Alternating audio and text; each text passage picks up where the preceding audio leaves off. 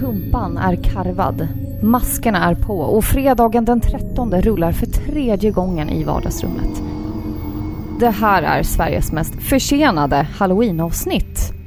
Mitt namn är Filippa Och jag är Robin. och i det här avsnittet ska vi prata skräckfilm. Nu kör vi!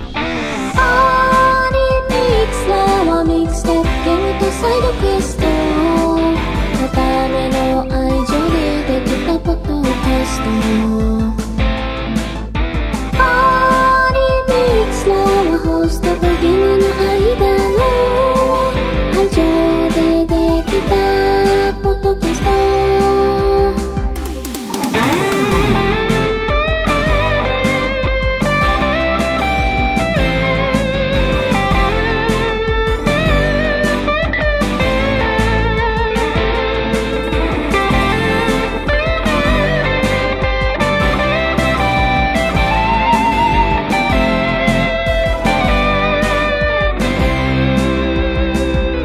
Hjärtligt välkomna ska ni vara till avsnitt 143 av Sveriges mest kärleksfulla tv-spelspodcast Par i pixlar. Välkomna! I det här avsnittet ska vi snacka lite skräckfilmer. Precis. Ja! Ja, det är ju den tiden på året. Det har ju varit halloween. Vi är nu långt inne i november, men den här flytten som vi var med om, den drog ju ut Som på... att det är ett trauma liksom. Det är ett sår inom mig. Ja. eh, den här flytten. Eh, nej, men det, det blev ju försenat allting. Så Ja. nu kommer avsnittet här då som egentligen skulle ha kommit till halloween. Vi ska prata skräckfilm. Men förra avsnittet var ju liksom del ett kan man säga Ja. av vår halloween eh, tribute. Mm, Då vi recenserade Dead Space. Mm. Så nu fortsätter vi nu med lite halloween-filmer. Men det blir ett sånt här klassiskt side quest avsnitt av Paripixlar. Ja. För er som inte vet, vi väljer att kalla vissa avsnitt för side quest för att de avsnitten handlar oftast inte om spel. Det kan vara någonting annat som är besläktat med I spel. nörduniversumet. Ja, precis. Så det kan ju vara liksom Som film är så eller... diffust men alla fattar vad vi menar då. Ja, exakt. För oftast när man gillar tv-spel, då brukar man oftast gilla film också. Så Ja. ibland pratar vi lite film eller lite musik Vi är eller... samma skrot och korn liksom. Många utav oss är ju faktiskt det.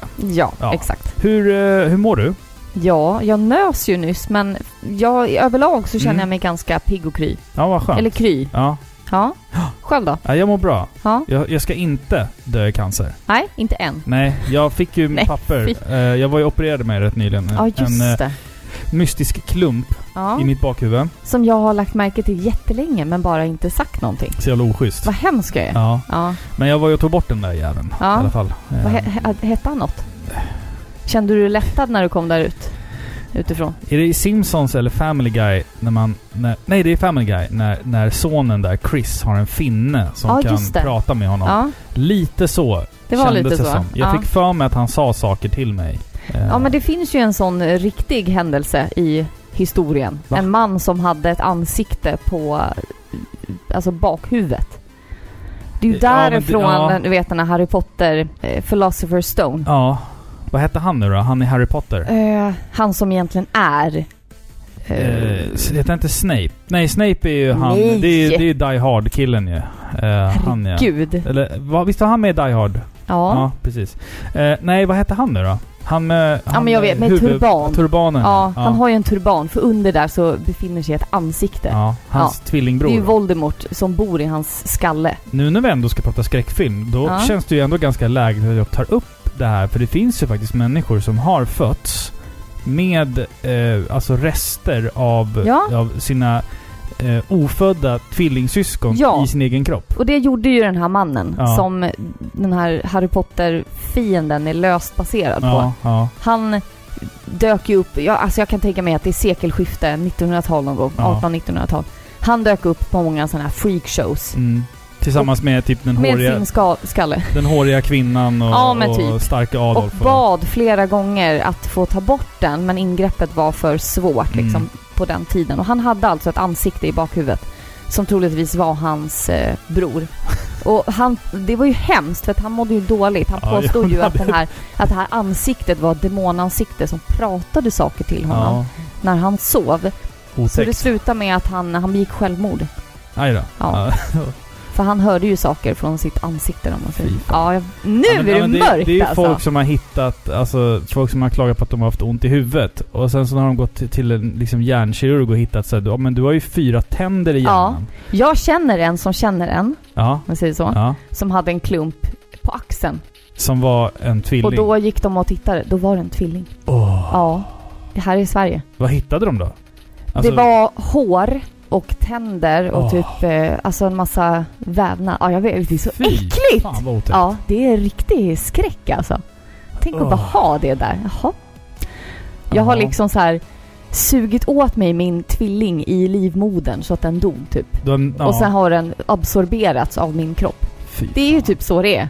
Det är vidrigt. Ja, vi kommer ju komma in på liksom liknande teman Känner du här. stämningen Ja, jag nu? känner stämningen är ju satt. Eh, Nu har hälften av våra lyssnare stängt av tror jag. Jag- Ja, ska vi liva upp ett pappaskämt då innan vi avslöjar vilka filmer vi ska prata om? Kör. Hur vet man att en tupp är dum i huvudet? Tuppar är ju generellt dumma i huvudet.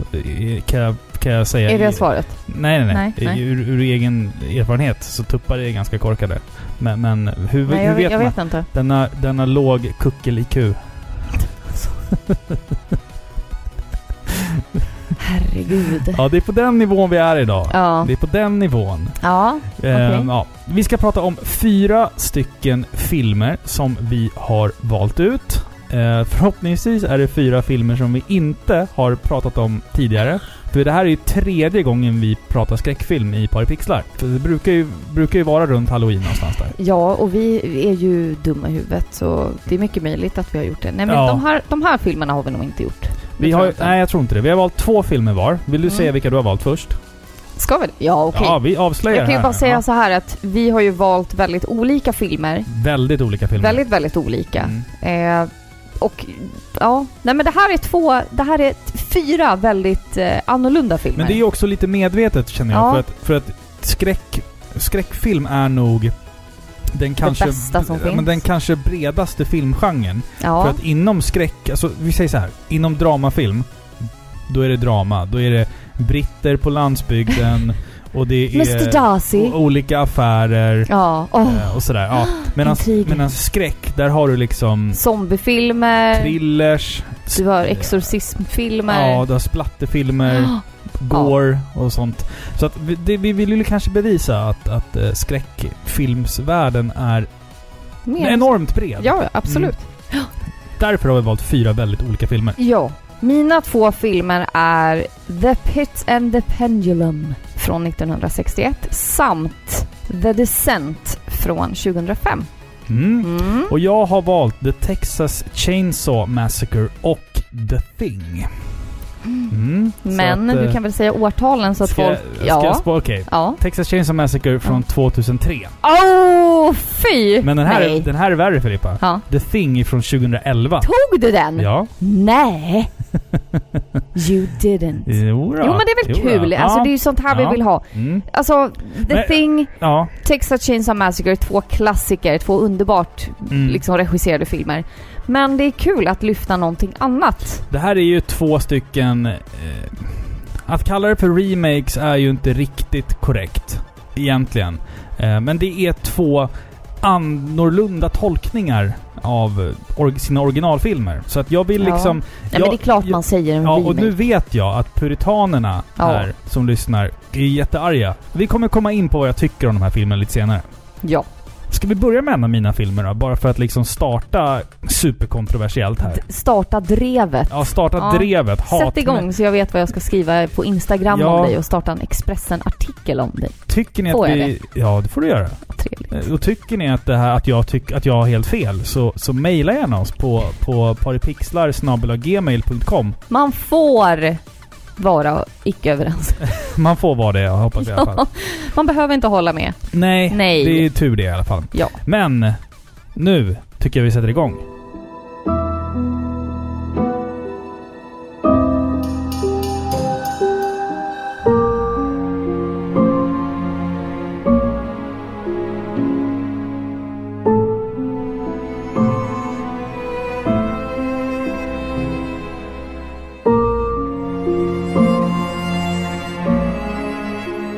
Ska prata om filmen The Texas Chainsaw Massacre ifrån 2003 i regi av Marcus Nispel.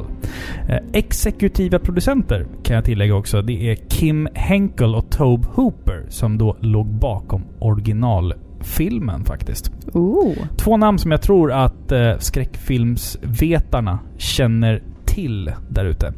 Bli inte rädda nu. Men Heter han Hooper ja, och inte Hopper?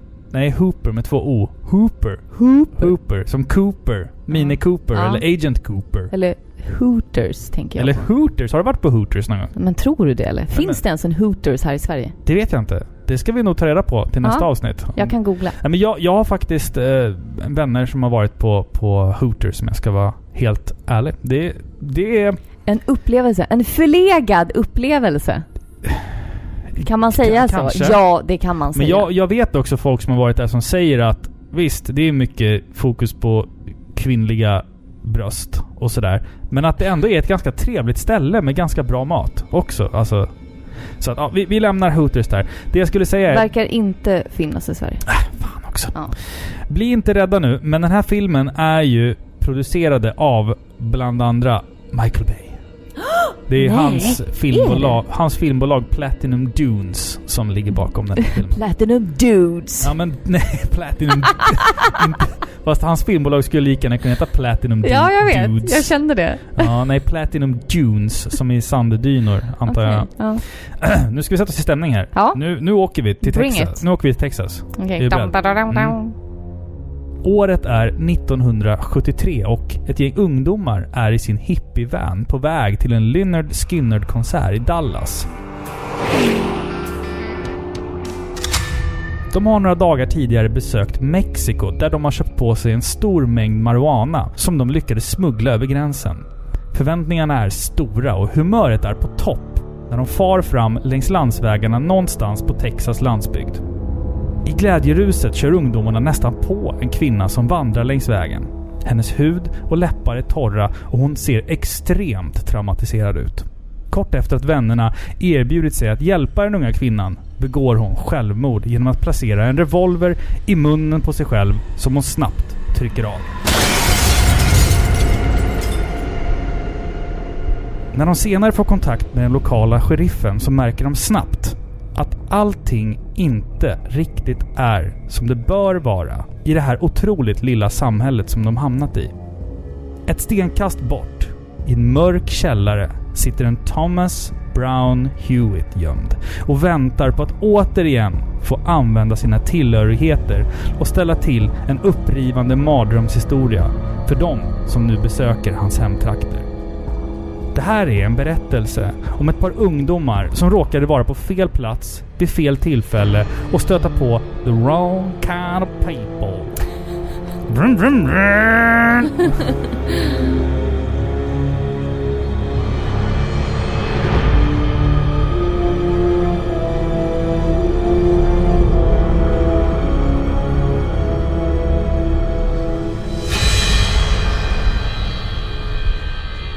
Den här filmen är faktiskt mer eller mindre först ut i en kavalkad av remakes som skulle följa denna. Och eh, jag vet att många tycker, initiellt, så gillar man inte det här. Det finns få filmgenrer som har sådana inbitna puritaner likt just skräckfilmsälskarna. De hatar ju oftast remakes. Man, man verkligen avskyr det. Det är liksom lite som filmvärldens black metal-scen, förstår du vad jag menar? Jag förstår verkligen vad du menar, men man kanske inte behöver vara så jäkla true hela tiden. nej, nej, precis.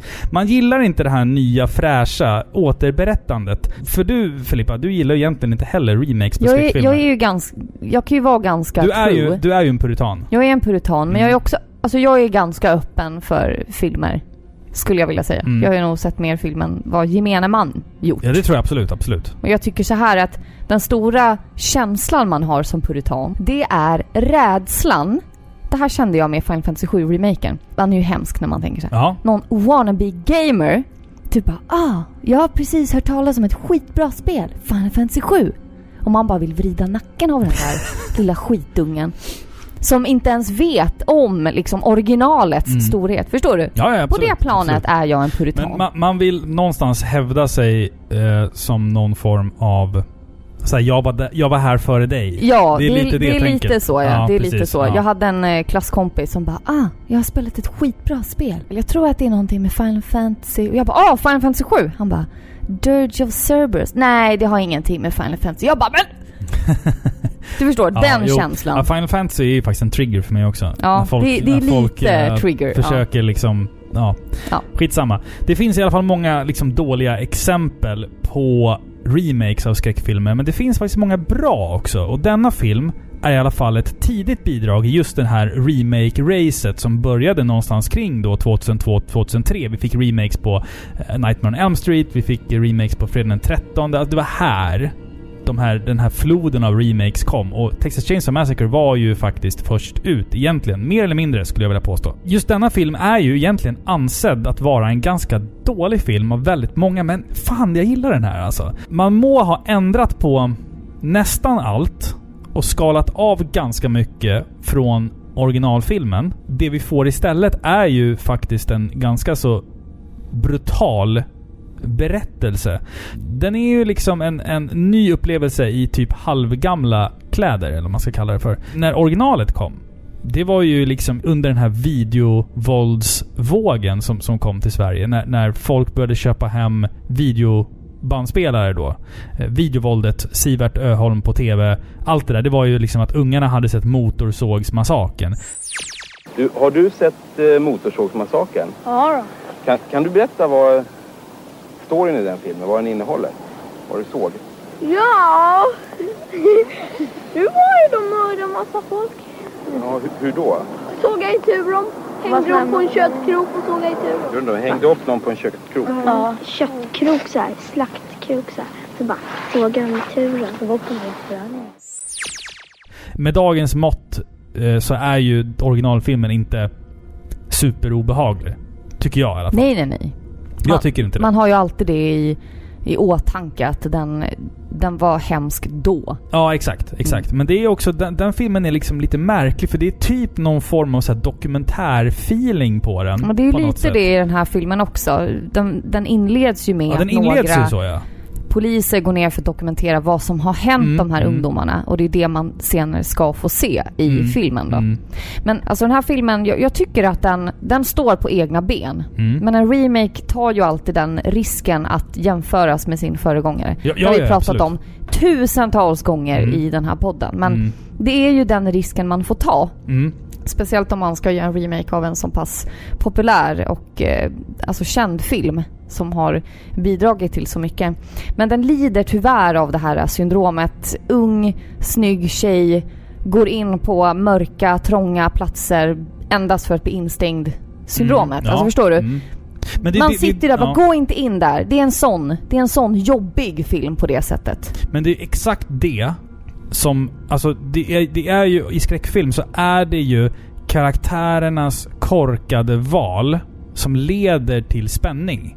Och det leder ju till att du investerar dig själv i filmen. Ja, men inte för mig. Men hade, hade en skräckfilm haft det här att, att huvudpersonen hela tiden tänkte superlogiskt och aldrig utsatte sig för onödig fara, då hade det inte varit en spännande film. Jo, det hade du ju. Det hade varit en tillfredsställande film, så. Alltså för dig som är liksom drottningen av... av, eh, Oh. av eh, vad heter det? När, när det ska vara i rad. Jaha, drottning av OCD. Ja. Ja, det var inte lika Nej, fin titel. OCD och logiskt tänkande, det är liksom, det är dina... Det, Alltså står, ju- jag- det står ju på ditt CV. Jag liksom. gillar ju utmanande filmer. Liksom. Mm. Jag gillar filmer som verkligen överraskar mig. Mm. Jag blir inte överraskad när en tjej springer in.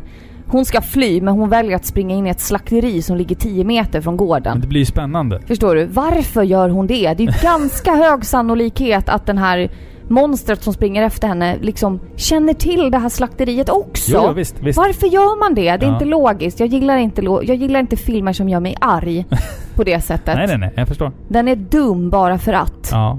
Alltså jag har ju valt fram några saker som jag vill, vill lyfta fram Ja. eh, i den här filmen som jag tycker... Change my mind. Ja men precis. Change your mind. Okej. Vi börjar så här. Fotot. Utomhus så får vi se de här groteska, gryniga bilderna av liksom landsvägar kantrade av... eh, Svett. Ja, typ. Alltså så här fett och svett och förruttnelse, enslighet och död. Det är mycket så här djurskelett och djurkadaver och allting har den här äh, nästan sepiga to- tonen på färgen. Det är liksom mycket brunt och gult och... Glorifierar vi inte, eller glorifiera ett felaktigt ord, men vi Mm. har ju en väldig fördom om USAs södra del. Ja, alltså, jag, Vischan. jag, jag, alltså, jag tror nog att hela världen har nog en förutfattad Ja, mening. Förut, förutom ju- de som har varit där. På grund av såna här filmer. ja, precis. Folk sitter och spelar på såg och så är det så? Är det så? Jag vet inte. Jag har aldrig varit där faktiskt. Så att, eh, Men det låg i alla fall i tiden att, att alla filmer skulle ha den här smutsiga linsen. Eh, det må vara tidsenligt, men det passar liksom jävligt bra. Och det här gjordes ju liksom innan alla andra gjorde det här. Och den här filmen ramar ju också in allt snusk och blod.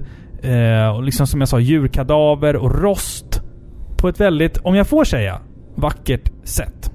Du får. Ja, så det är mycket så här breda bilder på det här ödsliga huset och de går över det här fältet för att komma fram där och de möter den här märkliga mannen i rullstolen som är både snuskig och jävligt, jävligt otrevlig. Och det, det är sånt där att någonting känns hela tiden lite fel och det förmedlas jävligt bra i fotot. Att någonting är alltid lite off någonstans liksom. Ja, men jag håller med. Alltså Mm. skräck är ju inte bara liksom det här uppenbara hotet. Nej, nej, nej. Man behöver inte bara zooma in på blod, blod, eh, svärd, knivar. eh. Våld. Alltså, utan bara det, den här liksom vyn över det här ensliga huset Mm, mm. I högra kanten Men av... man får eh, lite dålig känsla av det bara. det känns, det känns eerie. Ja. Förstår du? Men också då, en annan sak jag tycker om med den här filmen. Våldet. Jag tycker att Hollywood-skräckisarna från 90-talet var för barnvänliga. Jag tänker på de här stora filmerna. Jag tänker på Scream, I know what you did last summer. Det var liksom inte våldsamt, utan det var liksom lite fuskvåldsamt. Det var liksom, det var lite blod, men inget köttigt och... Hallå, det är corn syrup. Ja men typ. Scream. ja, exakt. Jag, jag, jag förstod den referensen. Bra. Den här filmen tog ju liksom tillbaka det där skitiga videovåldet som fick folk att må illa. För jag menar här, här har vi köttslamsor och det är lemmar som går av. Ta bara scenen här i filmen då, när monstret, jag har inte nämnt honom än, men Leatherface i alla fall hinner ifatt en av de där ungdomarna som försöker fly från honom. Och han sågar av honom benet. Så det, alltså... Man, Ja. första gången man ser det blir man så oj jävlar, är det, är det hit vi ska gå alltså? Är det så här våldsamt det kommer bli? Och sen är det folk som blir upphängda på köttkrokar så att man ser liksom att ryggkotorna sticker ut Oh. och det är sår som baddas med, med grovsalt och det är, det är spyor och piss och blod. Alltså det är så, det är så jävla våldsamt. Ja. Alltså. Speciellt från att vara från 2003. Ja, men den var nog våldsamt. ganska tidig för det. För jag tänker typ, sen hade vi ju de här filmerna som kom efter. Hostel och... Ja, exakt. Alltså de filmerna, Mm, de mm. följde ju lite i det här samma Ja. gore-spåret. Ju Mm. blodigare det var, desto bättre liksom. Ja. Sen bara spårade det. För de Jag- tappade det här artistiska Ja. sceneriet. Mm. Då Det blev var det, bara våld. fokus, fokus på våldet istället. Ja, men liksom. det är så, jag vill inte se någon himla snufffilm liksom. Nej, för här är det ju ändå... Här får vi ändå följa ungdomarna samtidigt som vi får lära känna de här märkliga byborna. Vi har också eh, liksom bekantat oss lite i början med Leatherface. Och vem fan är han? Och vad är han kapabel till? Och sen när man då får se vad han är kapabel till, då blir han en obehaglig jävel. Ja, Och min favoritscen är, är ju när han... Alltså, Leatherface är ju baserad på den verkliga mördaren Ed Gein som då eh, brukade liksom skinnflå sina offer och göra möbler av dem och masker av dem. Så att i den här eh, filmen så gör han ju en mask av en av killarnas ansikten som han sen trär på sig och jagar den här döda killens flickvän med den här masken. Oh, vad morbid. Ja, det är så morbid och han står ju liksom, hon sitter i en bil då och hon ser bara han bakifrån. Sen vänder han sig om och man får då se att han har hennes pojkväns ansikte. Och Ja. det är så jävla effektfullt alltså. Ja, det är bra. Man sitter där och bara åh fy fan vad äckligt och så bara springer han emot henne med motorsågen och... Alltså det är... Man ser ju tydligt också var Resident Evil 7 hämtat sin inspiration Ja, ifrån. ja. Ja.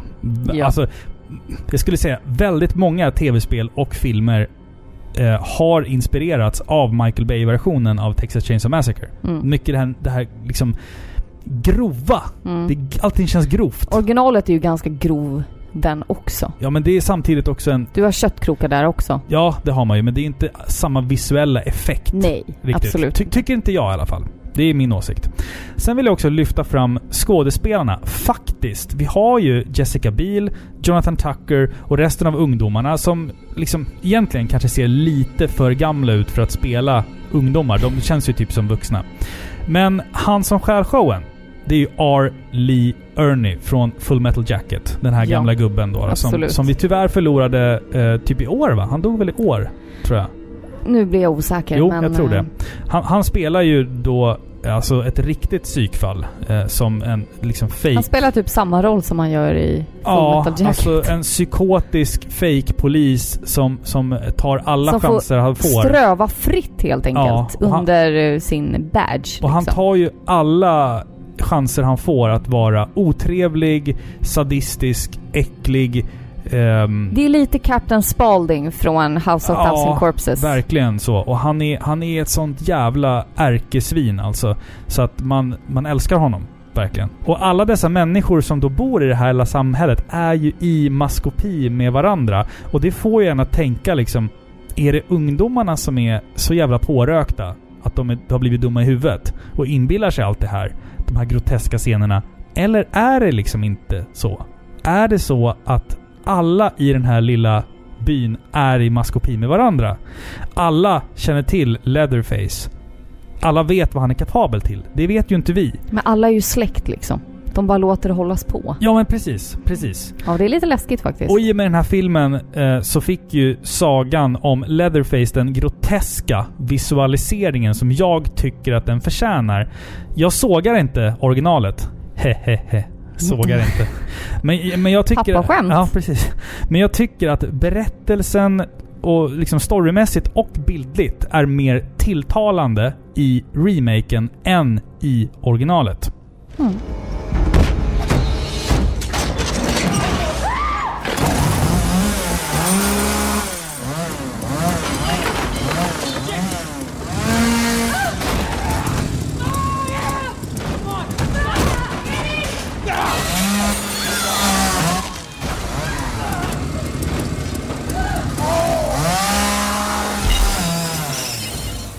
Varför har mentalsjuka så höga bensinkostnader? Nej. Tvångstankar. Den var rätt kul. Ja, faktiskt. Visst var den, den var rätt så festlig. Ja, ja. Ja. Ska du ta nästa film? ja, då tycker jag att vi kör lite The Pit and the Pendulum. Nu ska vi alltså hoppa in i våran tidsmaskin och eh, Jajamän. resa långt bak i tiden. Jajamän, vi ska hamna i 1500-talet. Men filmen är inte fil- Nej. skapad på 1500-talet Nej, nej. nej.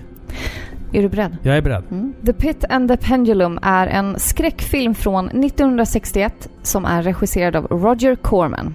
Och i rollerna så ser vi bland annat den hyllade Vincent Price och John Kerr. Price är ju känd för sina många tolkningar av, av skräcknoveller som har filmatiserats. Eh, Barbara Steele är också en av huvudpersonerna och hon fick sitt genombrott i den numera kultförklarade filmen Black Sunday regisserad av Robin. Ja, ren chansning. Alltså, häng mig inte nu, men Ja. typ Polanski? Fel. Jaha. Mario Bava. Mario Bava. en Ja, där, från ja. 1960. Och Barbara Steele var med i många italienska skräckfilmer från den tiden, så hon är ett väldigt känt namn på den scenen. Och Black Sunday då, det är ju en av de filmer som varit med och präglat och format italiensk giallo. Giallo-film, ja. Mar- Mario Bava är ju liksom, anses En- ju en vara av gud- en av, Gudfäderna. en av gudfäderna Ja. till giallo. Mm. Och hans son Lamberto Bava har ju gått vidare och gjort massor med bra giallo. Vad hette den filmen som vi såg med han med kyrkogården? Jaha, eh, Den var fan bra. Men More, de, de ma, De, de la Morte de la More. Della Morte, Della. Heter den Just så? det, Ja. men den är ju från 90-talet. Ja, men den var, den var Mm. fin. Den var fin. Nej men så vi har många kända namn som medverkar i den här filmen. Eh, filmen är löst baserad på skräcknovellen med samma namn som är skriven av Edgar Allan Poe från 1842. Men med betoning på löst baserad eftersom handlingen är faktiskt helt nyskriven.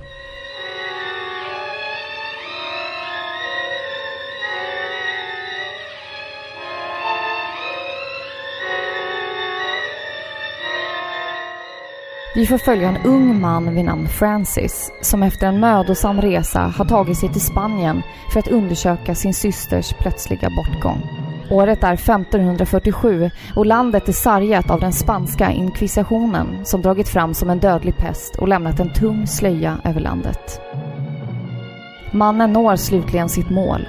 Ett slott som växer fram i horisonten längs den fientliga kuststräckan. I slottet bor hans svåger, Nicolas Medina.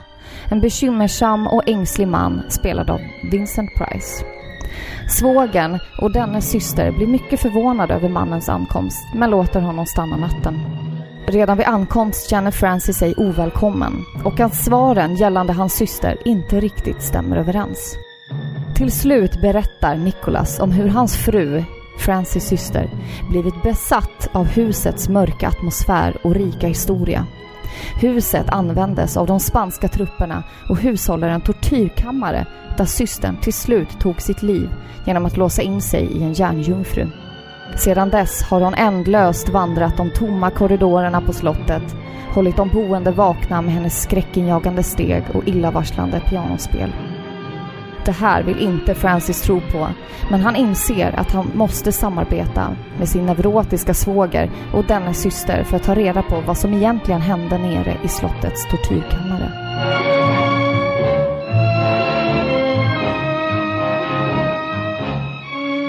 Det låter ju spännande. Det är väldigt spännande. Jag har inte sett den här filmen jag ska Nej. ärlig. Jag har inte sett den. Nej, så du vet ingenting Jag vet, om jag den? går in helt blind. Jag vet ingenting. Ja. Jag vet inte ens vem Vincent Price är. Va? Nej. Nej, jag har ingen aning. Skojar du? Nej. Men nu måste jag googla en bild. Nej, men jag, jag vet ju hur han ser ut. Alltså jag om vet jag säger ju, så här. Jag har ju sett omslaget på filmen. Om jag säger så här. Jag är obevandrad i det han här. spelar Edward Scissorhands pappa okej. i Edward Scissorhands. Han är den här gamla snälla mannen som tillverkar honom.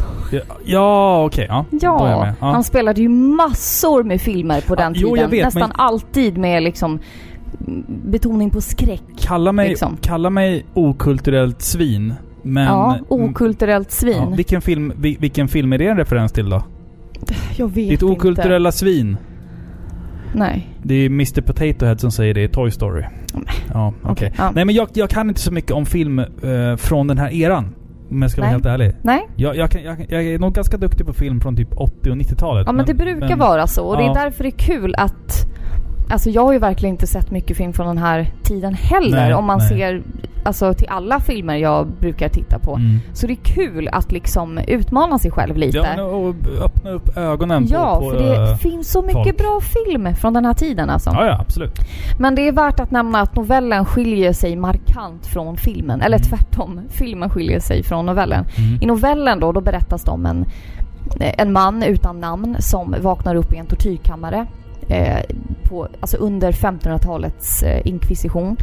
Eh, och varje dag då blir, så blir han serverad vatten och bröd. Men i övrigt så finns det inga andra personer i novellen. Jag vill ändå förklara Ja, vad ja. novellen Det handlar låter om. nästan som Oldboy.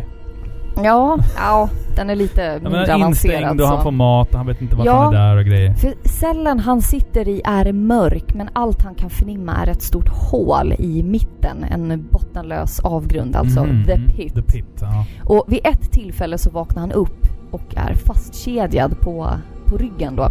Och ovanför honom så vaggar en enorm pendel med ett sågblad. Mm. Mm. Det låter ju bra. Och för varje gungning så sjunker pendeln lite längre ner och han hotas att bli itursågad liksom. Mm. Men i slutet Mm. så blir han räddad av några franska trupper. Ja, så ni märker ju, det är ganska Det många var- olikheter kring de här två verken. Men tortyrkammaren, avgrunden och pendeln finns med. Men betoningen i filmen ligger på själva historien kring det här. Det där var alltså en novell av Edgar Allan Poe. Ja, Du som är lite, in, lite bevandrad i det här. Vem skulle du välja av eh, alltså, litterära verk nu? Aha. Edgar Allan Poe eller H.P. jag Lovecraft? visste att du skulle säga så. Ja. Alltså det är två helt olika. Edgar Allan Poe skrev ju för det mesta noveller. Mm. Eh, H.P. Lovecraft skrev ju... Andra jag vet saker. Jag vet, ja, andra. Ja. Ja, men jag vet inte. Om jag bara ska liksom läsa för egen njutnings skull så läser jag nog hellre Lovecraft. Okej, ja, Mm. coolt. Men i alla fall, så som många andra skräckfilmer på 60-talet så har den här liksom en specifik teatralisk känsla över sig.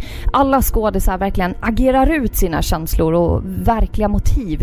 Och det känns nästan som att man sitter på en teater. Eh, Det är dramatiska scener, det är obehagliga skuggor, det är liksom hög spänning. Tänk dig lite som en såpopera kan vara nu. Alltså Ja. förstår, du som Mm. tittar ska alltid kunna se de olika karaktärernas känslor och motiv genom deras ansiktsuttryck. Eller du vet när de går iväg liksom och endast tittar in kameran. Mm. Alltså i en såpopera så, det är ju rätt smaklöst Man, och billigt ja, nu man, förmedlar, liksom. man förmedlar känslor genom att Ja, zooma in exakt. på karaktärernas ansikten och grejer. Precis. Men på den här tiden så gjordes många filmer på det här sättet.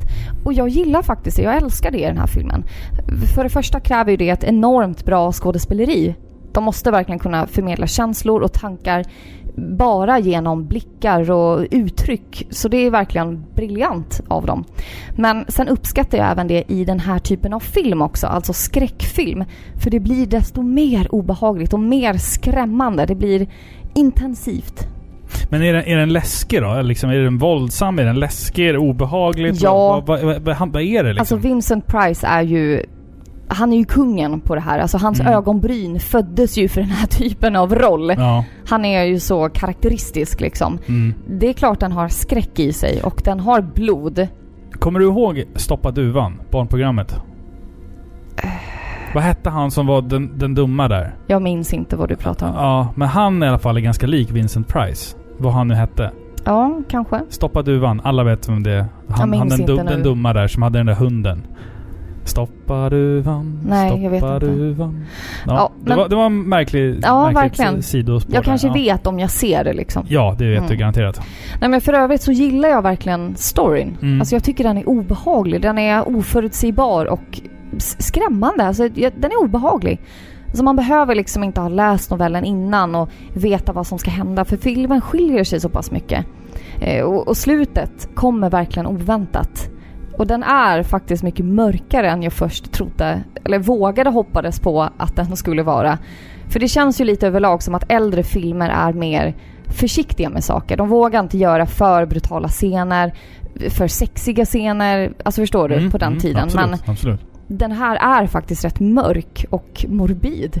Mm. Faktiskt, väldigt oväntad och ja men det var kul. Ja men det är fint att du drar en lans för de här lite äldre filmerna som, Ja. som jag inte har sett och sådär. Så jag kan, inte, jag, kan inte, jag kan inte kommentera någonting. Jag tycker bara, ja, det låter väl spännande. liksom. Ja, nej men jag tycker det. Och det, det är liksom en specifik tidsera där när Mm. filmerna var på ett specifikt sätt. Och det är intressant att se att det, det finns ju många så här indie-regissörer Mm. som skapar ny film som har den känslan. Ja, precis. Liksom med lite back, ljuset back to basics. och- Ja, faktiskt. Det, det blir lite som en hyllning till den tidens filmer. Liksom. Mm, mm. Nej, men jag uppskattar den här filmen jättemycket faktiskt. Jag tyckte den var jättespännande. Och det är också kul att jag fick den här i present av eh, Grillkirre.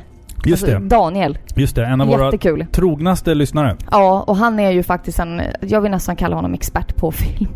Ja. Han har otroligt mycket film, han har otroligt bra filmsmak Mm. och han skickade den här filmen till mig och jag blev jätteglad. Eh, för det är en sån film som jag har, eh, jag har sett den liksom Mm. eh, dyka upp i olika sammanhang och alltid varit nyfiken på den. ja men Det var den! dra en lans för, för Pit and the Pendulum. Ja. Do you know where you are, Bartholomew? Don Medina, I am Francis Barnum. I will tell you where you are. You are about to enter hell, Bartholomew. Hell! The netherworld. The infernal regions. The abode of the damned. The place of torment. Pandemonium. Abaddon. Tophet. Gehenna. Naraka. The pit. And the pendulum. Det här avsnittet av Par i pixlar görs i samarbete med tv-spelsbutiken Spel och sånt i Norrtälje. Och Filippa, du vet ju vad det är för månad.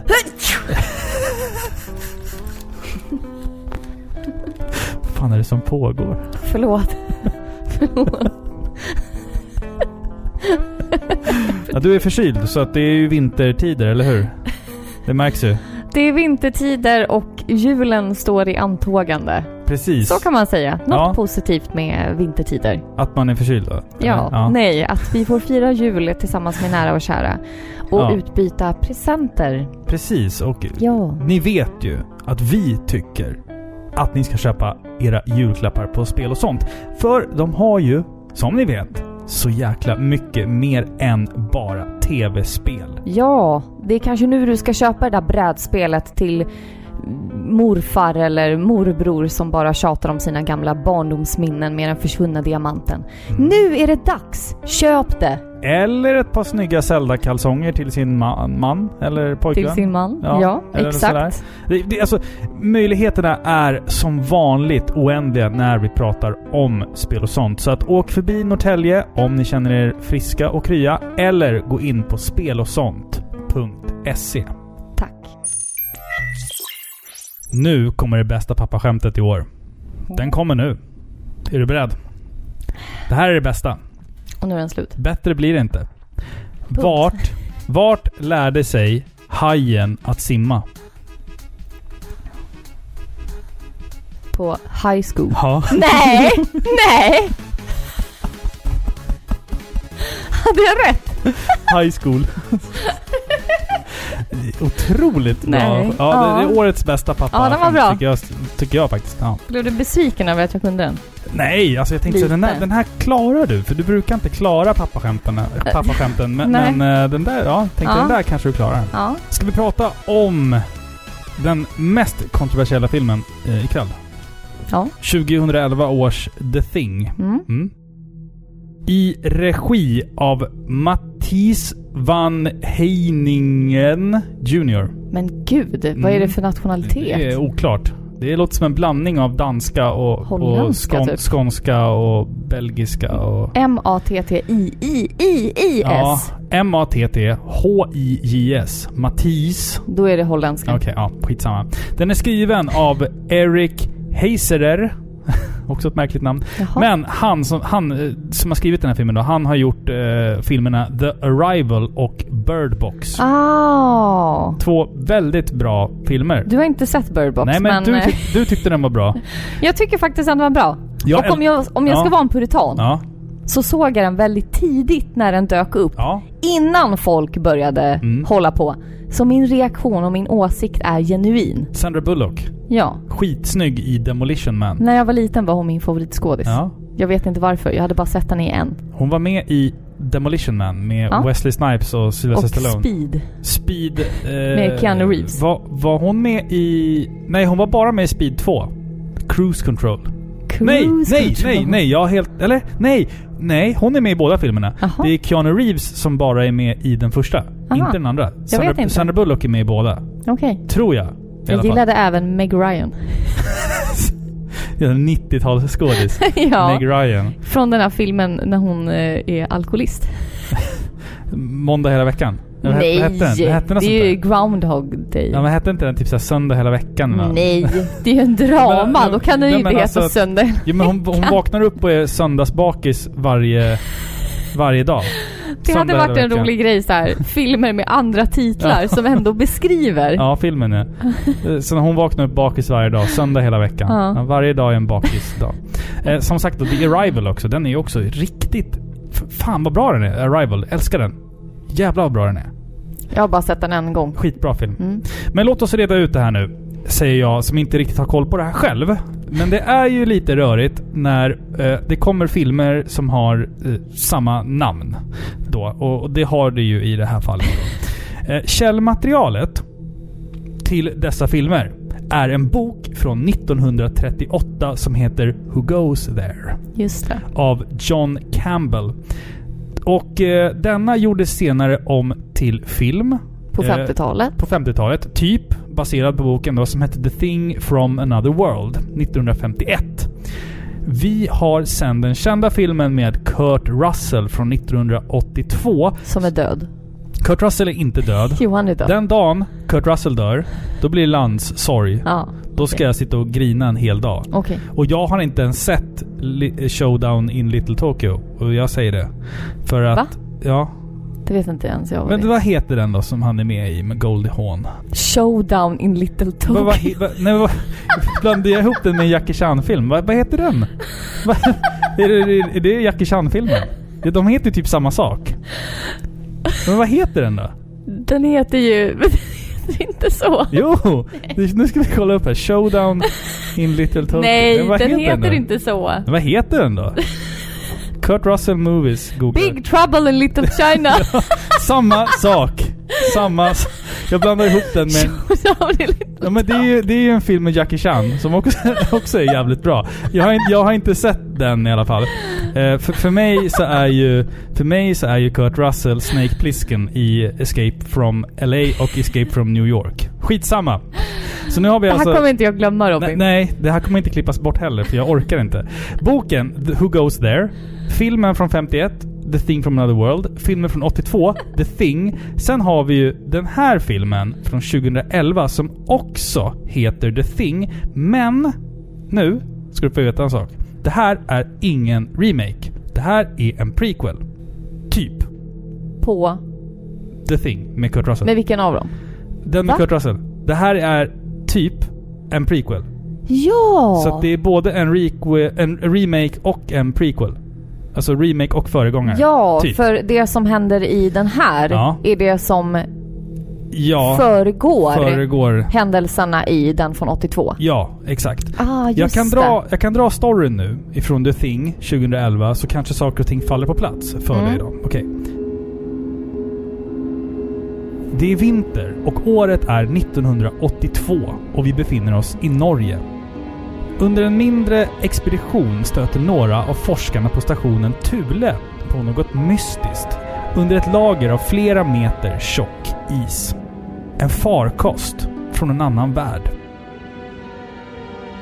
Det konstaterades att den har legat där en lång tid och är till synes övergiven. Varelsen som tros ha färdats i farkosten hittas snart en bit bort. Även den inkapslad i tjock, immig is. Den amerikanska paleontologforskaren Kate Lloyd kallas in som specialist och skickas till de norska snötäckta landskapen utan någon som helst aning om vad det är hon ska få undersöka.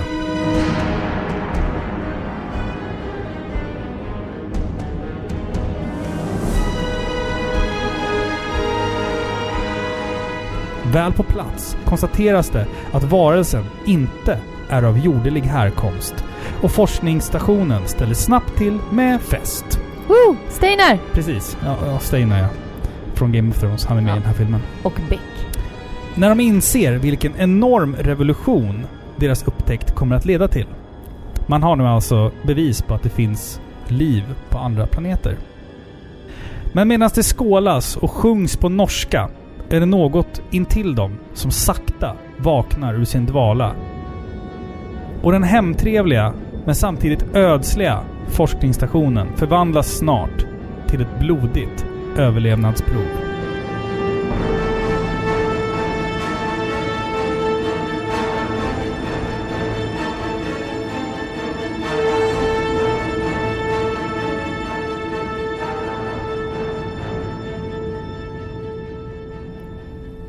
Som jag sa, många tror nog att det här var en ren remake, inklusive jag. Kanske för att vissa scener är direkt Ja. återskapade.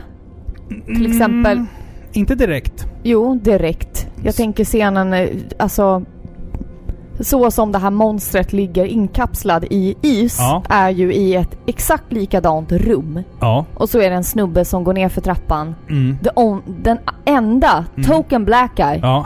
Som går ner för trappan, Ja. upptäcker och den flyger ut ur Ja, isblocket. ja, Det händer i den från 82. Fast det, det är liksom...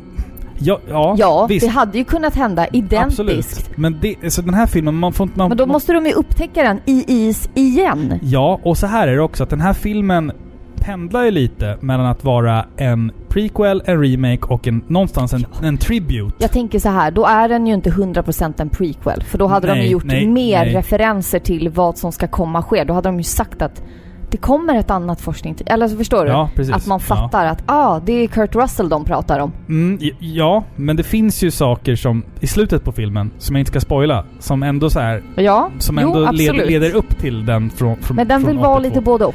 Den vill vara lite både och. Den vet nog fan inte ens själv vad den är om jag ska vara helt Nej, ärlig. för den är ju inte från jorden. Nej, precis. Och som du sa, vissa scener är ju hyllningar till, till den från 82. Ja. Eh, Medan vissa scener sitter man och väntar på att oh, oh, nu borde den här scenen komma. Och så gör den inte det. Och så bara, Mhm. men det här är ingen remake. För då skulle de ta med den där scenen, tänker man. Så att det är någonstans nå- någon form av jävla mellanmjölkig återberättande av Men storyn. ändå så har Ja. du valt den filmen. Ja, exakt. Man tittar ju på, som sagt på den i tankarna om att det ska vara en remake. Och om man gör det så blir man nog besviken. För man sitter ju och väntar, som jag sa, på de här klassiska scenerna som många faktiskt aldrig kommer. Man får typ varianter av dem. Som sagt, jag vill inte spoila för mycket. Det rör ju sig om samma varelse ändå. Den här uh, The Thing. Saken. Varelsen. Hen är en extremt aggressiv och intelligent utomjordisk organism som kan byta skepnad. Och det här leder ju till det här klassiska dilemmat att en av oss är en imposter. The original imposter. Ja, original Among Us ja, precis. Ja. Det leder såklart till väldigt välskriven och nervkittlande drama där man aldrig riktigt kan lita på någon, inte ens sig själv egentligen. För spänningen mellan karaktärerna är stark och det märks och jag liksom mysnjuter av varje sekund jag får av det. När man liksom försöker utesluta vem som är död och vem som är ersatt av The Thing. Han är ju någon av dem där, men fan vem är han då? Han måste ju vara den där jäveln. Och så är det ju precis i originalet också. Det är ju en film som i mångt och mycket bygger på paranoia och rädsla att dö. Inte så mycket att dö, utan mer den här rädslan att, att liksom dö. inte det samma sak? Nej, Ja, kanske. alltså pressen människorna här sätts inför är ju nästan liksom lika otäckt som själva monstret. Tänker jag. För att man, man vet liksom inte vem man kan lita på. Det Någonsin. är ju rädsla inför det, alltså, det man inte vet. Det Exakt. Man, man vet ingenting om det här Nej. monstret liksom. Han har inte ens ett namn. Den heter bara The Thing. det, eller hur? liksom. Ja, det tycker gillar jag är bra. Ja, det blir jag så det. anonymt liksom. Och man, man har ingen koll. Ja. Förstår du? Men jag, jag gillar också titeln på originalboken, Who Goes There? Alltså, det är Ja, lite så här det är lite ödsligt läskigt, ja. otäckt. Liksom. Ja, Ja, det är precis. Det är, otäckt, ja. enkel, enkel och rak men ändå obehaglig titel. Men det är Det- bra det där att man inte riktigt vet vem, eh, vem som är. Det Ja. kan vara vem, vem som helst av oss kan vara Ja, den. precis. Och alla kommer ju försöka bevisa, det är inte jag liksom. Det är ju någon utav dem. ja, hela, hela tiden. Ja, Liksom. Det är någon i besättningen och det är där man tänker så här. okej, nu är vi smarta, nu Mm. håller vi ihop. Mm. För om vi delar på oss så kommer ju monstret försöka döda någon Ja. och då är den ensam. Mm, Liksom. Men så är det ju inte. Men det, det, det som jag har problemet med den här filmen, det är typ att de står i en scen och är liksom så här att okej, vi ska inte dela upp oss. För att då kommer monstret få som han vill. Han kommer få ett byte. Liksom. Vi ska inte gå två och två. Sen tar det fem minuter, sen har de ändå gått två och två. Och någon dör. Man Ja. bara, men vad är det här ni inte skulle göra? Alltså, Ja. ja, skitsamma. Det, det är mycket sånt i filmen, men samtidigt, sånt som framstår som extremt korkat är ju samtidigt sånt som bidrar till spänning, anser jag. Det gör ju att filmen blir en sån där man liksom... Det, det kittlar verkligen i magen när man tittar på, på den här och originalet. Eller originalet... Or, inte originalet, utan den or remaken med Kurt Russell. Ni förstår vad jag menar. me. Ja. Det som är lite konstigt med den här filmen är ju dock monstereffekterna och specialeffekterna. Nu ska jag berätta en historia för dig. När jag läste på så visade det sig att det här var ett riktigt jävla kaninhål alltså. Man ville ju vara trogen de tidigare filmerna och mer eller mindre bara arbeta med praktiska effekter. Så man... Det som filmen från 82 är så känd för Gud att ja! Gud ja! exemplariskt eh, utföra. Absolut. Absolut. Alltså, alltså specialeffekterna i den filmen är ju Alltså det är fantastiskt. otroligt och så före sin Huvudet som tid. blir en spindel och, Ja, och- magen som öppnar sig och klyver. Det- all- Min favoritscen Ja, någonsin i en ja. film. Alltså fy fan vad det är. Ja. Man inte är beredd på det Det skiten är så alltså. bra, alltså. Fy fan vad Det är obehagligt så obehagligt. Usch. När han ska använda, de använder en sån här defibrillator, heter det så? Ja, och exakt. Och så bara krossas eh, liksom Ja, bröstkorgen och bara öppnas upp och bara är en jättestor mun. Jävla. Och det som är fantastiskt är att skådespelaren Mm. som skulle göra det, Mm. han var ju utan en arm Ja, från riktigt, ja. början. Ja, han exakt. var enarmad. Var- Han hade inga armar tror jag, till och med. Han kanske inte hade någon arm. Jag tror inte han hade en Nej. arm faktiskt. Vilket gjorde det mycket enklare för dem att kunna sätta på proteser som liksom lätt kunde slitas av. Alltså, och det, är där så var ju, det där, den, där, den där fantastiskt. scenen var ju också en sån här one take. Att funkar det Ja. inte nu, då, får vi, då tar det veckor innan vi kan Ja. prova det här igen. Liksom. Alltså det där har alltid skrämt mig. Speciellt huvudet som slits av och får ben Ja. och blir en spindel. Otäckt. Alltså det är så äckligt! Ja. Min brorsa, han hade i ett sånt här eh, snyggt glasskåp Mm. så hade han bland annat då Leatherface från Texas Chainsaw Massacre som Mm. en sån actiongubbe. Och så hade han då huvudet Mm. från The thing. The Thing. Mm. Och jag bara, vad är det där? Sen dess var jag Men vi, fast. vi kan sitta här och prata om de praktiska sorry. effekterna. Nej men alltså vi kan sitta här och prata om dem hur länge som helst för att det är ju det som, som gör att man kommer ihåg 1980-talets version av The Thing. Så att man ville ju vara den filmen trogen och bara arbeta med liksom eh, fysiska och praktiska effekter i den här filmen. Så man tog in Amalgamated Dynamics, alltså ett, ett specialeffekt-team då för att liksom skapa de här fruktansvärda varelserna i typ lera och plast. Alltså man, som, som man gör med praktiska effekter. Ja. Liksom. Så man skapade otroligt detaljerade och obehagliga protesmonster, om man får kalla dem så. Sen gjorde man testfilmningar och det såg asbra ut. Och dessa testfilmningar finns ju faktiskt att se på YouTube om man söker på The Thing 2011 eh, Practical Effect Test. Så kan man se de här och det, alltså det är sån detalj. Ja. Fy fan vad äckligt det ser ut alltså. Men nu kommer det stora men. Ja, alltså som jag sa, otroligt hantverk som visar att praktiska effekter år 2011 fortfarande såg för jävla bra ut. Men det tyckte inte filmbolaget. Så när filmen var inspelad så valde man att byta ut alla praktiska effekter och måla över dem med CGI, alltså dataanimation.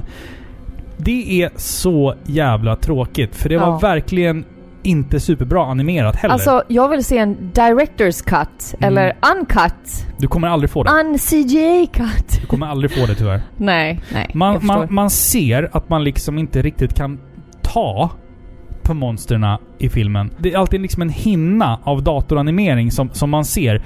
Det, det tycker jag är skillnaden på praktiska effekter och CGI. Att Ja, men det är oftast, klart. Alltså, pra- praktiska effekter, du som tittar på filmen ser att den där kan skådespelaren faktiskt liksom ta på. Ja, det är mer som att du ser skärmen och så har någon ritat på TV-skärmen. Ja, exakt. En exakt. fläck. Ja, men det känns så. Det känns det så. är inte äkta. det är inte riktigt där än. Nej.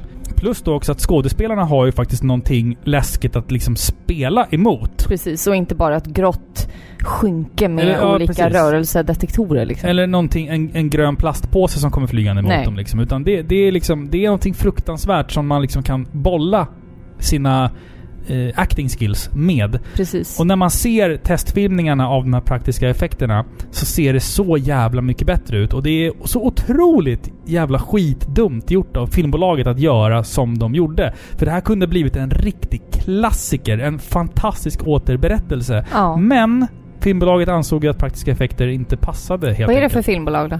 Jag, jag vet inte Nej. faktiskt. Och det roliga är så här att det som hände sen var att de som hade skapat de praktiska effekterna, de blev så in i helvete förbannade så att de crowdfundade en egen film vid namn Harbinger Down som ett förlåt för att The Thing inte blev filmen som de hade i sin vision, eller hur man ska förklara det. Nej. Så att det finns ju alltså en film där de liksom, okej, filmbolaget screwed us over, men vi vill göra en Nej. film för er som är liksom practical effect-fans. Den måste vi se. Harbinger Down heter den i alla fall. Harbinger down. Personligen så gillar ju jag datoranimering om den görs bra. Alltså se typ alla Marvel-filmer som referens där. Men i skräck så föredrar jag praktiska effekter. Det gör att skådespelarna som jag sa har någonting riktigt att spela emot. Det ser äkta ut, man kan ta på det. I min värld så gillar jag någonstans en så här kombination av praktiska effekter och CGI. Men det är ju så nutida film görs. Om vi ser en skräckfilm så ska vi ha en läskig kvinna som kommer ut ur garderoben. Ja. Säger. Då har ju vi en skådis Mm. som är sminkad Mm. läskigt. Ja. som kommer ut ur garderoben. Det, ja, precis. Förstår du? Ja, och sen absolut. film, den, liksom datoreffekterna läggs ju på efteråt med, Mm. med ljus. ja, och ja, men absolut. skuggor. Och textur och skit. Absolut. ja, ja. så på det sättet är ju nästan all film lite datoranimerad Mm. på det sättet. Absolut. Och så, och så, precis. Och gör man Inte det... Gör, animerad men effekterna. men gör, gör man det smakfullt så kan det bara förstärka. Gör man det osmakfullt, smaklöst kanske är rätt definition, så, så gör det bara att man tappar, jag tappar intresse jättesnabbt. Det är därför jag har så svårt för många skräckfilmer som handlar om just övernaturliga saker som kommer idag. För att jag tycker så ja ah, men det, det är bara ett jävla CGI-monster. Det är liksom... Det är, det, är inte, det är inte kul. Jag föredrar praktiska effekter. Eh, med CGI-tillägg. Med övernaturliga filmer och det här som vi pratar om Mm. är ju två helt olika genrer. Jo, jo, det precis. vi pratar ja. om är mer så splatter och gore-filmer. Ja, ja, ja, jo kanske. Men med det sagt, alltså, jag gillar den här filmen ändå. För det är dramat och det sociala spelet karaktärerna emellan som jag gillar. För det är snygga actionscener. Den är läskig, men CGI är tyvärr inte hundra. Men jag tror ändå att många aldrig har liksom gett den här filmen riktigt en chans. Så att nu vill jag ändå säga det att det är liksom ingen dålig film för att dramat karaktärerna emellan gör det värt att se. Och min favoritscen i den här filmen, i remaken då, det är scenen som utspelar sig i helikoptern. Eh, jag, jag kan spoila den scenen faktiskt. Eh, The Thing försöker ju fly därifrån, så han sätter sig som en människa i en helikopter med ett par andra människor. Men kan inte riktigt hålla sig samman så att den här personen då som han imiterar Ansiktet spricker sönder på honom av en anledning. Och det, den scenen är så jävla... Kommer som en chock när man ser den. Man sitter Åh fy fan! Och sen så är det bara tentakler och skit överallt. Och det är, det är en cool jävla scen alltså. Jag gillar Ah, den som fan. Ja, jättebra. Äckligt. Jättebra faktiskt. I huvudrollerna så har vi ju Mary Elizabeth Winstead. Tror jag det uttalas. Hon är kanon. Winstead tror jag. Winstead, okej.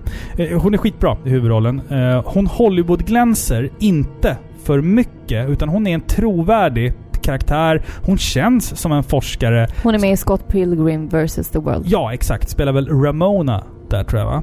Huvudperson. Huvudpersonen, eh, den kvinnliga eh, huvudpersonen, eller man ska kalla det. Eh, Hon känns ju som en forskare för att hon använder hela tiden sin hjärna som sitt starkaste vapen. Något som är ganska ovanligt för kvinnor i skräckfilmer, tycker jag. Sen ser vi också, ja, han, Kristoffer. Din... Ditt frikort. Typ hiv... Men, frikort? Men du, du, Nej! du har en blick i, i ögonen. Men det är bara för att helt plötsligt när man ser så här skandinaver Ja. på internationell TV, man bara Åh! Men du Då har... blir man eh, Ja, men, ja. nationalist. Fast du, du har någonting i blicken när du ser honom. Nej, Kristoffer från, Nej. från Game of Thrones. Steinar. Steinar. Ifrån Beck där. Han är ju briljant. Ja. Jag gillar honom. So this is a good idea. Locking us up. You need our help. Han är jävla. For all I know, you could be one of those things. It is pretty hard to believe we both walked away from that crash. Yeah, I get that, I do. But We're preparing a test. And then we figure out who's who. That's all I can offer you right now. Hörde du om det där fängelset som man byggde ut så att det blev större? Nej. Nu rymmer det fler. Ja, det var bra. Ah! Ah, ja. Nu ska vi prata om min sista film för Mm. ikväll. Jag har valt The Descent som är en skräckfilm från 2005. Det är Neil Marshall som har regisserat. Eh, han har även regisserat Dog Soldiers från 2002 som är... Förlåt, men den här filmen heter Instängd på svenska va? Ja, Ja, precis. Jag vill bara säga det. det stämmer. Men han har även regisserat två avsnitt av Game of Thrones. Mhm. Nämligen Blackwater och The Watchers on the Wall. Som är två kända liksom, Mm, sista avsnitts... Säsongs, avsnitt. Säsongsavslutningar. Ja. Mm. Som faktiskt gav honom nominering för bästa regi av dramaserie. Eller någonting. Mm. Det står på engelska. Jag vet inte hur jag ska översätta det. ja, han fick det i alla Du fall. drog det ur arslet bara helt enkelt? Nej, nej, nej. Ja. Han blev nominerad Ah, för okej. det här. Ja, Mm. cool.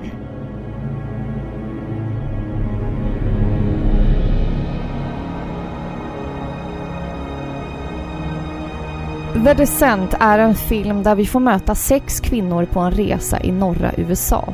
Ett år tidigare har en av kvinnorna, Sarah varit med om en bilolycka där både hennes man och dotter brutalt omkommit. Ett år senare försöker nu hennes bästa vänner muntra upp henne med en riktig tjejresa där de ska på äventyr i bergen. Trots den festliga stämningen tyngs Sarah fortfarande av de brutala händelserna ett år tillbaka och hennes vänner gör sitt bästa för att muntra upp henne. Med packade väskor och förnödenheter beger sig gänget ut i skogen. Målet är en grotta en bit bort. En välkänd grotta som får några av tjejerna att uttrycka irritation över att de valde en tråkig turistattraktion istället för ett riktigt äventyr. Men när de väl når sin destination får det enorma gapet dem att tappa andan. Framför dem breder sig ett enormt hål upp i marken. En grottöppning med ett bottenlöst mörker. Kompisarna får tillbaka sin äventyrslust och de firar sig rappt ner. Grottan visar sig vara en större utmaning än vad de först trodde och de frågar sig om detta egentligen var så bra för deras vän Sarah. Efter ett par trånga passager som till slut får taket att rasa in och därmed stänga in de nu livrädda kvinnorna erkänner till slut gruppens självutnämnda ledare Juno att de inte alls befinner sig i den grotta de först trodde. De är istället djupt nere i en helt outforskad grotta utan att någon vet om det. När sanningen äntligen läggs fram inser de att de måste hitta en annan väg genom de farligt dödliga trånga passagerna. Men det är inte bara faran med att fastna i en trång grotta som hotar. Djupt nere i det klaustrofobiska mörkret hörs röster från ett väsen som inte ätit på väldigt, väldigt länge.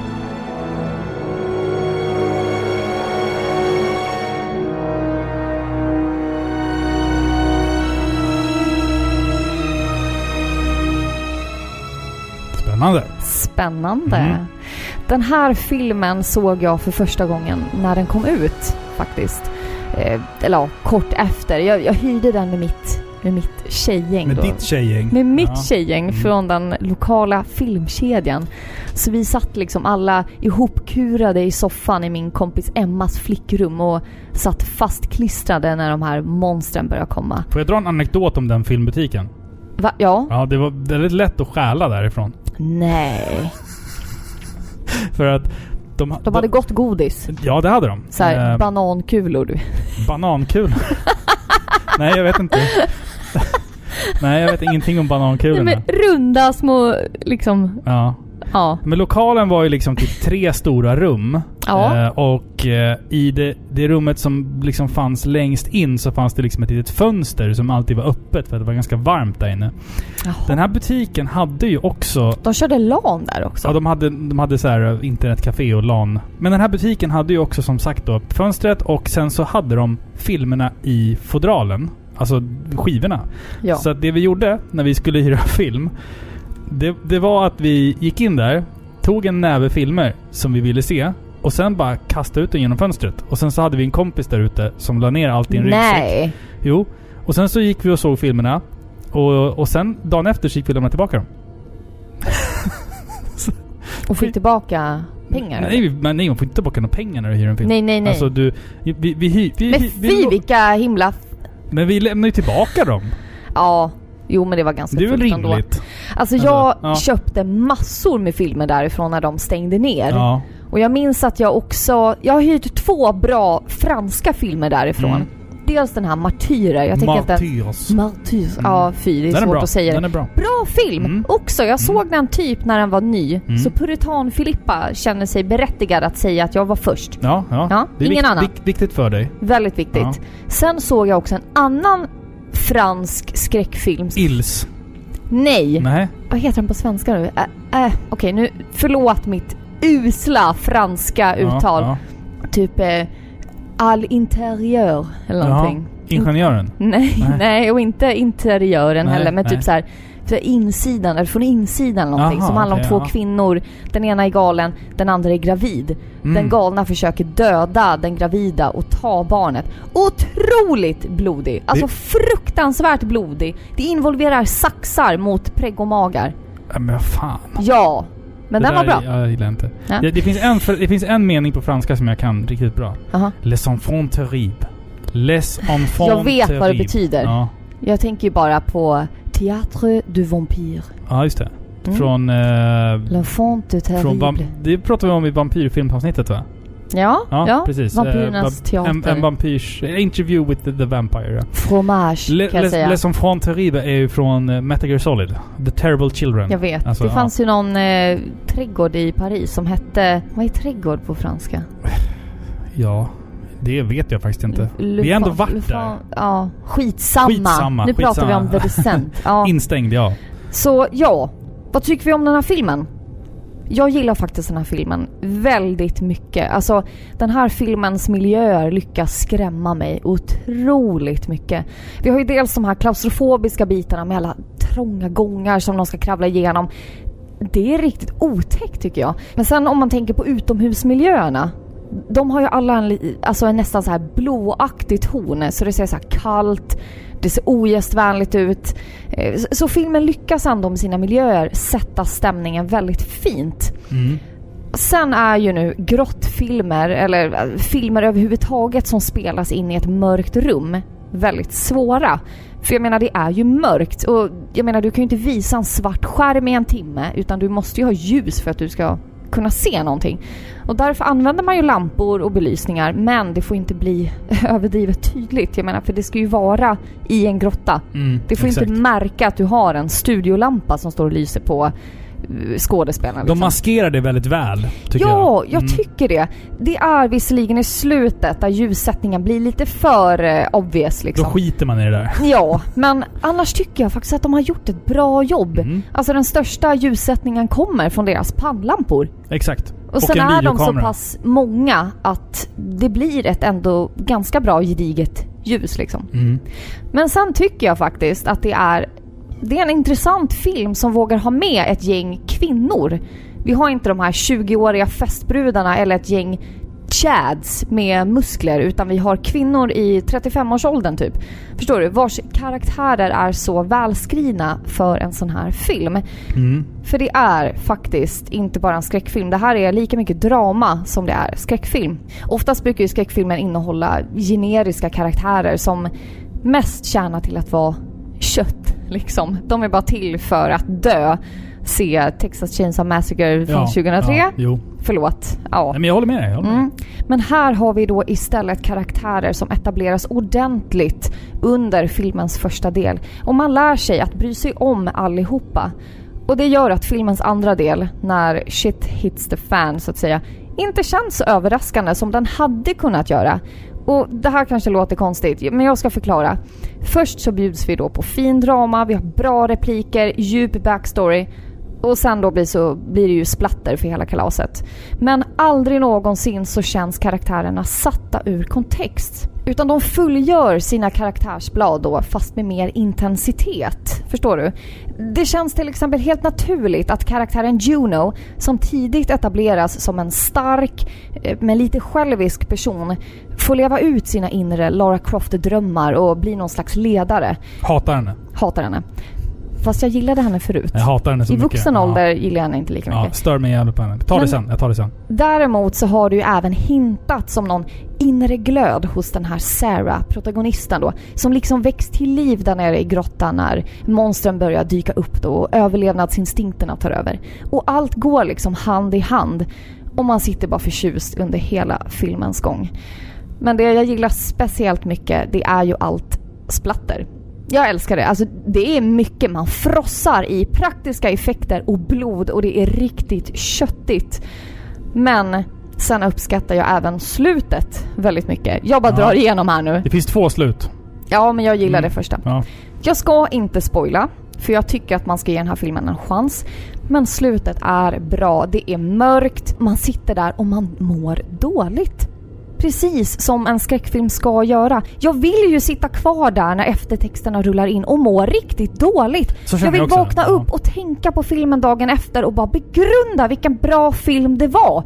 Och det gör man inte av alla filmer. Man ser en film, okej det ordnade sig, så nu kan jag gå vidare med mitt liv. Det gör man inte med den här filmen. Jag älskar skräckfilmer som lämnar dig med en bitter smak efteråt. Ja. Alltså jag tycker sånt är, det är viktigt för en skräckfilm. Jag gillar inte filmer som slutar lyckligt. Nej. De ska sluta med ett frågetecken eller att du bara ska ha ångest och må Precis, illa. och jag, jag vill ju liksom inte säga nu att det, allt, allt skiter sig. Mm. För att då kom, kanske inte alla ser den här filmen. Jag vill att ni ska se den här filmen, jag vill att ni ska tolka slutet själva. Det finns nyanser i allt. Det finns nyanser i allt. Jag ska ju säga så här att precis som eh, filmatiseringen av eh, Stephen Kings The Mist Mm. så tyckte ju inte amerikanska publiken om eh, Slutet. slutet. Mm. Så det skapades en till, lite gladare, ett gladare slut Ja, helt enkelt. mm. Och det har ju även kommit en uppföljare som jag inte visste om förrän för typ en vecka sedan. På den här filmen alltså? Ja, Mm, precis. The Descent Mm. 2. Jag eh, erkänner inte den i kanon. Punkt. Nej, det tycker inte jag heller. Jag, Och jag det skulle- betyder inte att alla dör. Det, det är inte Nej, det nej, jag vill nej, säga. Det finns nyanser i allt. Jag, jag skulle vilja dissekera lite av det som du har sagt här nu. Eh, Jag, säger, jag känner så här att den här filmen är ju tydligt uppdelad i två olika kapitel. Vi har ju, om vi bortser då från den här eh, när man ska etablera karaktärer och skit i början där. När Juno bara springer runt och är fett irriterande. Jag hatar henne eh, hela tiden. Hon är såhär, hon är såhär morgonpigg och eh, sånt står jag inte ut med. Och sen så har vi ju då den delen som jag gillar mest. När de tar sig ner i grottan, när de sitter fast i trånga liksom, små passager och de får panik. Alltså och det är obehagligt. Klaustrofobin där är ju verkligen påtaglig. Den delen älskar jag mest. När allting skiter sig. Ja. Sen så kommer ju då den här liksom det tredje, den tredje akten i filmen. När man då har de här monsterna. Det, jag gillar det för att det är praktiska effekter. Och sådär. Men jag tycker att den första delen i filmen liksom ger mig mer. Ja. Jag, upp, jag uppskattar den mer. Eh, och man har ju som sagt jobbat väldigt effektivt med ljuset i den här filmen. Vilket jag också uppskattar. Att det är väldigt begränsat ljus. Man använder sig av naturliga ljuskällor som du sa. Deras pannlampor. Eh, nattvisionsfunktionen på en eh, digitalkamera. Sånt. För att liksom skapa en ursäkt för att karaktären ska kunna se någonting. Och vi ser ju inte så mycket mer än vad de gör i det här mörkret. Och det gillar jag. Som sagt, klaustrofobi är ju någonting som jag, jag lider av det. Alltså privat som, som person. Jag, jag är väldigt klaustrofobisk. Alltså jag så tänker att alla människor har det till någon form av klaustrofobi. gräns. Ja. precis. Så att jag, det finns ju vissa scener där när, när, när min puls går upp ordentligt Mm. alltså. Det, jag mår verkligen illa av vissa scener i den här filmen. Och det är inte de här gore-scenerna utan det är de här just när, när de är människor. Eh, Ja, som alltså fastnar. den här filmen hade lika gärna kunnat klara sig utan monstren. Absolut. Absolut. Det hade lika gärna kunnat vara så att de går ner i den här grottan, de fastnar, de blir paranoida och ger sig Mm, på varandra. ja, Eller precis. hur? Ja, det exakt, hade varit exakt. skitbra. Det hade varit coolt faktiskt. Eller, Ja. eller att de bara liksom... Att det är går fast de emellan. Fast de bara... Alltså jag, jag tänker så här att det hade varit coolt om, om monsterna bara fanns i deras egna huvud. Ja, absolut. Liksom, att monsterna fanns inte ens. Nej. Men det är också så här, att jag kommer ihåg första gången jag såg den här filmen. Så tyckte jag att, in, första halvan var skitbra. Och sen så när monsterna kom så bara nej. Fan också vad tråkigt, tänkte jag så här. Men nu när jag såg om filmen, typ tio år senare då, så var det så här att ja, men det funkar ändå. För att som du säger, den förstärker karaktärerna. De är fortfarande in character fast de går in på overdrive. Eller Ja, säga. exakt. Så det är att- ingen som gör någonting överilat precis. som man bara va? Varför Den- gör den, hon den, så? Den fega blir jättefeg. Den aggressiva blir jätteaggressiv. ja, Och exakt. du vet såhär, alltså att deras karaktärsdrag bara förstärks de, till 120. det känns realistiskt ja, på något exakt, sätt. exakt. Eh, och på tal om grottor. Hur många grottor tror du användes för att filma den här filmen? Noll. Ja, noll. Man, man, man byggde upp en stor studio där man byggde Ja, tio Det är stycken... ju fantastiskt. Men det är också för att... Alltså man, ja, men det är man, väl om, ganska obvious. Jo. Det är jättesvårt Ja. att filma i en trång grotta Exakt. utan att försätta skådespelarna och För filmteamet för Mm. livsfara. Jo, precis. Men de har ändå fått till det där. Oh, alltså, ja. Det ser ju verkligen ut som att de är i stora grottor. Ja, det är så blött, det rinner vatten på Ja. väggarna, det är mörkt, det är dammigt. Det är effektivt. Det är faktiskt, väldigt effektivt. Ja, Jag tycker den här filmen är skitbra alltså. Vet du vad monstren hade för... eh, När man designade monstren Mhm. Vad man gick... För monstren är ju liksom... Det, det är gubbar i dräkter. Det är Ja. inte mycket CGI utan det är ju liksom... Nej, nej, nej. Det, det är liksom Vi praktiska ska säga att effekter. det, det, de, det är ju typ människor. De förklarar Spoila ju inte för mycket nu bara. Nej, nej, nej, okej. Mm. Spoila inte för mycket. Sä- berätta, säg inte berätta. vad det är. Nej. Men jag kan säga så här att i, alltså inspirationen till designen av de här monstren Mm. gjordes... Man, man tog inspiration från Nosferatu. Ah, Vilket- ja, just det det. Det, har jag läst ja. någonstans. Eh, Men alltså, nyckeln i den här filmen är ju dramat. Ja, absolut. Monstren är ju egentligen bara katalysatorn som Ja. utlöser det här sista. För Mm, alltså Sarah mm. går ju och bär på så mycket känslor. Ångest. Och det är så mycket intriger som läggs fram, som broderas in i den här storyn. Som inte hintas. Jag tycker att det är obvious, men det kanske är för att jag har sett den förut. Du märkte det inte först. Nej. Du fattade inte vad liksom själva lögnen var. Vad som själva Nej, nej, nej. Jag fattar inte det. grejen var. Nej, jag fattar inte det först. Men det broderas in liksom väldigt diskret i Mm. storyn. Ser man den för andra gången då vet man exakt vad man ska titta absolut, efter. absolut, absolut. Mm. Eh, så liksom den ligger ju där, den här heta stämningen.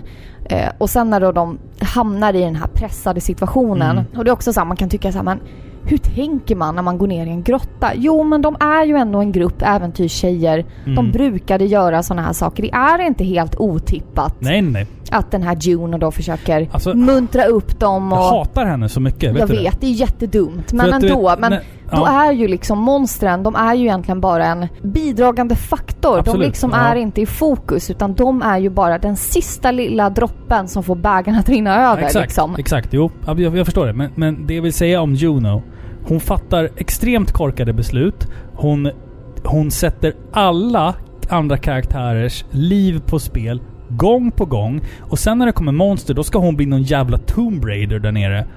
Bara, det är ditt fel att vi är Ja, här. jo, och så ska hon springa runt och leka värsting där nere och hon beter sig som ett svin både före och efter den här jävla grottutflykten de är på. Hon ska alltid gå runt med en ful jävla hatt när de andra Ja, har det är hjälm. det värsta. När de andra har hjälm, då ska hon ha hatt på sig. I början av filmen när de åker den här jävla flotten ner för... Vad Då heter har det? inte hon någon... När de åker... Vad heter det? Så här rafting? När de Ja. åker ner för någon så här flod. Alla sitter med hjälm. Nej, hon ska ha en jävla keps på sig. Man bara... Vem fan är du? Men det är ju det, Liksom. det är ju hennes persona Jo, jag liksom. vet, men det- hon ska vara vild, henne. Men sen så fort det händer någon tragedi, då drar hon sig undan. Ja, det blir för verkligt. Men vissa människor är ju så. Ja men Förstår de avskyr man ju. De har, de har ju gestaltat henne på ett verkligt sätt. Det finns ju sådana människor som är så. Jo. De är glada och spralliga, de är med i nuet när det är glatt. Hon är ändå avskyvärd. Men så fort det handlar om realistiska, tunga saker och Mm. down to earth, Mm. då försvinner de. För de kan inte hantera det där äh, verkliga... Nej, jag vet det. Jag vet grejerna. det. Jag begriper det. En helt annan sak som Jaha. jag kommer att tänka på nu. Vet du vad den här filmen hade för projektnamn? Innan den fick namnet The Descent. Nej. Chicks with Pigs.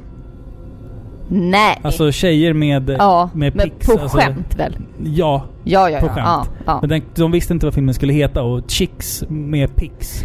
Alltså pigs är ju liksom... En, en hack Ja, hackor, berg, liksom. berghackor som de Ja, har det var för att kul. klättra. Ja. Men jag skulle vilja berätta en annan Historia. historia om eh, alltså det här med grottutforskning. Ska du berätta om mannen nu? Ja, jag ska berätta om Nej. alltså, skräck på riktigt. Alltså, det här med att fastna i grottor och skit. Jag vill att folk ska läsa berättelsen om John Jones som på riktigt fastnade... Inte Jim Jones, Nej. sektledaren. Nej, nej, nej. John Jones var en ung kille i USA som skulle utforska en grotta med sin familj. Och det här är alltså ett grottsystem där man liksom måste krypa och knappt kan ta sig igenom olika passager. Han och hans familj brukade göra De brukade här. göra sånt. Så de var lite erfarna. Ja, liksom. precis. Och man måste ju ha med sig en karta. Man ska all, aldrig å, liksom gå ner ensam i de här tunnlarna. Nej, för det här som sker i den här filmen, att man bara åh, upptäcker en stor grotta som är outforskad. Det händer ju inte. Nej, inte nej, nu, inte- år nej, 2020. Nej, det är inte realistiskt. Nej. Man ska alltid meddela folk att om inte du hör ifrån mig på liksom 12 timmar, då får du fan hitta någon. Då får du hitta mig liksom. Jag kommer vara här. Men det finns inga outforskade grottor på det sättet. Alltså det, det, gör, finns, Jo, det gör det. det finns delar Ja. av grottor, men grottan är ju känd. Alltså, ja, ja, precis. Oftast, ja. oftast utritad också, en karta. Ja, men Det- den är oftast spärrad då om det finns vissa gånger som är Ja. helt outforskade. Det, det som då hände med, med John Jones eh, när han besökte The Nutty Putty Cave, Nej som den heter. Han skulle ta sig in... Han, han eh, särade från sin bror eh, i tidigt i grottan och sa jag ska ta den här vägen. Han skulle igenom en passage som kallades för The Birth Canal. Eh, en väldigt, väldigt smal och trång passage.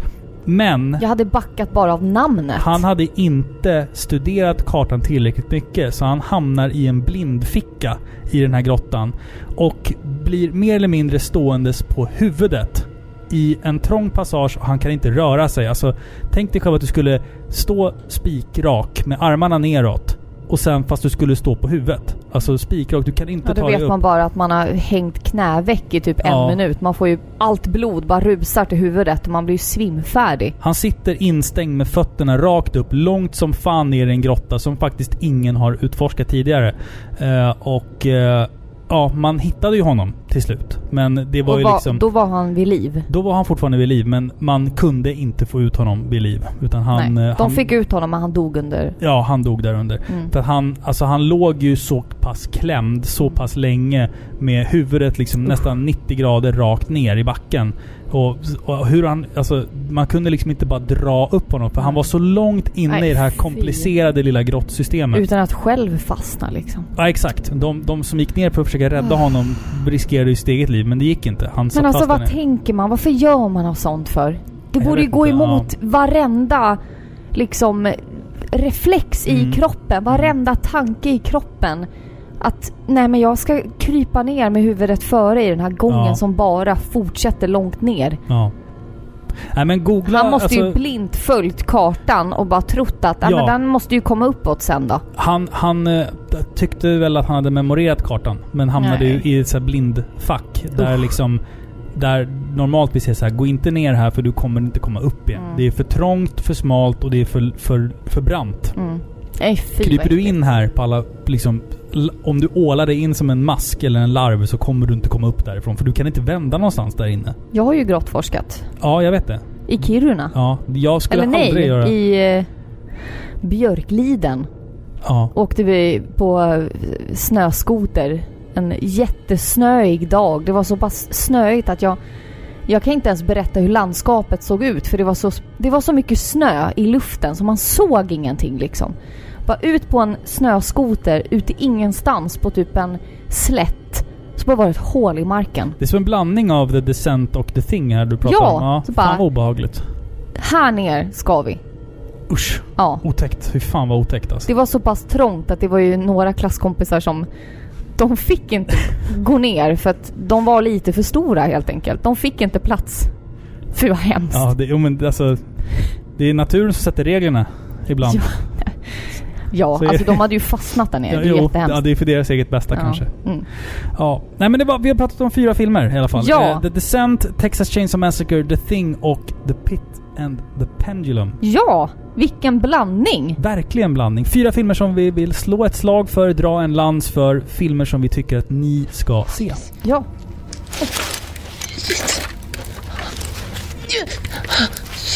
Sarah! Guys, it's Sarah! I think she might be stuck! I. Look. Okay, Sarah, you have to calm down. And the only way you're gonna do that is to breathe, yeah?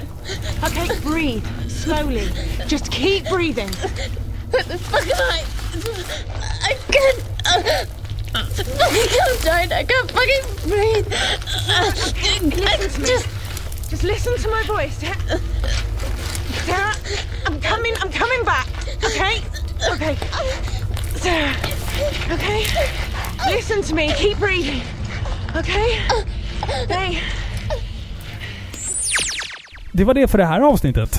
Eh, Det är snart dags för nyår. Eh, Vi ska väl hinna få ut ett julavsnitt och ett nyårsavsnitt. Ja, men det tycker jag. Så att, men vad vi ska göra exakt, det vet vi inte. Jag har en plan på vad jag vill göra i nyårsavsnittet i alla fall. Ja, men det Ehm. vet jag ju. Du ska ju ta alla mina outtakes. Ja, men det, jag har en lek också som vi ska... Som, så, så, att, Oh. så att, alltså, vi säger så här. Vi Nästa skulle- avsnitt, julavsnittet, blir någonting om spel. Eh, nyårsavsnittet blir som sagt då alla dina felsägningar som du har gjort i år. Men också en liten lek som... Årets som, eh, höjdpunkt. En liten lek som gör att ni som är nya lyssnare kanske lär känna oss eh, Ah, lite okej. bättre. Ja. Vi ska spela ett roligt spel i alla fall, har vi tänkt. Eh, och ja, det blir ett, eh, en bra avslutning på året i alla fall, tror ja, jag. men det tror jag absolut. Mm. Så att... Eh, Var kan man hitta oss? Ja, vi finns överallt. Vi finns överallt. Vi finns inom dig. Känn dig förföljd. Okej, ska, ska jag rabbla upp allting då? Ja, gör det. Okej. Vi finns på alla podcastappar. Man kan även lyssna i sin webbläsare på paripixlar.se eller videospelsklubben.se. Den, den appen vi tycker ni ska lyssna på oss i är Acast, som jag upplever är bäst. Just nu i alla fall. Eh, vill ni oss någonting? Det är klart som fan att ni... Det är klart Vill ni vill det. det. Skriv ni vill av er. såga våra val av filmer. Ja, precis. Kom Eller oss. Pari- Kom igen! paripixlar.gmail.com eller podcast paripixlar.se. Krångligt. Vi har ju också en Discord där man kan gå in och chatta med andra Paripixlar-lyssnare. Vi hänger lite grann då och då eh, också. Eh, Den hittar ni på paripixlar.se. Vi har även en Patreon som är patreon.com snedstreck paripixlar där ni kan stötta podden med typ fan är det 3-4 dollar i månaden.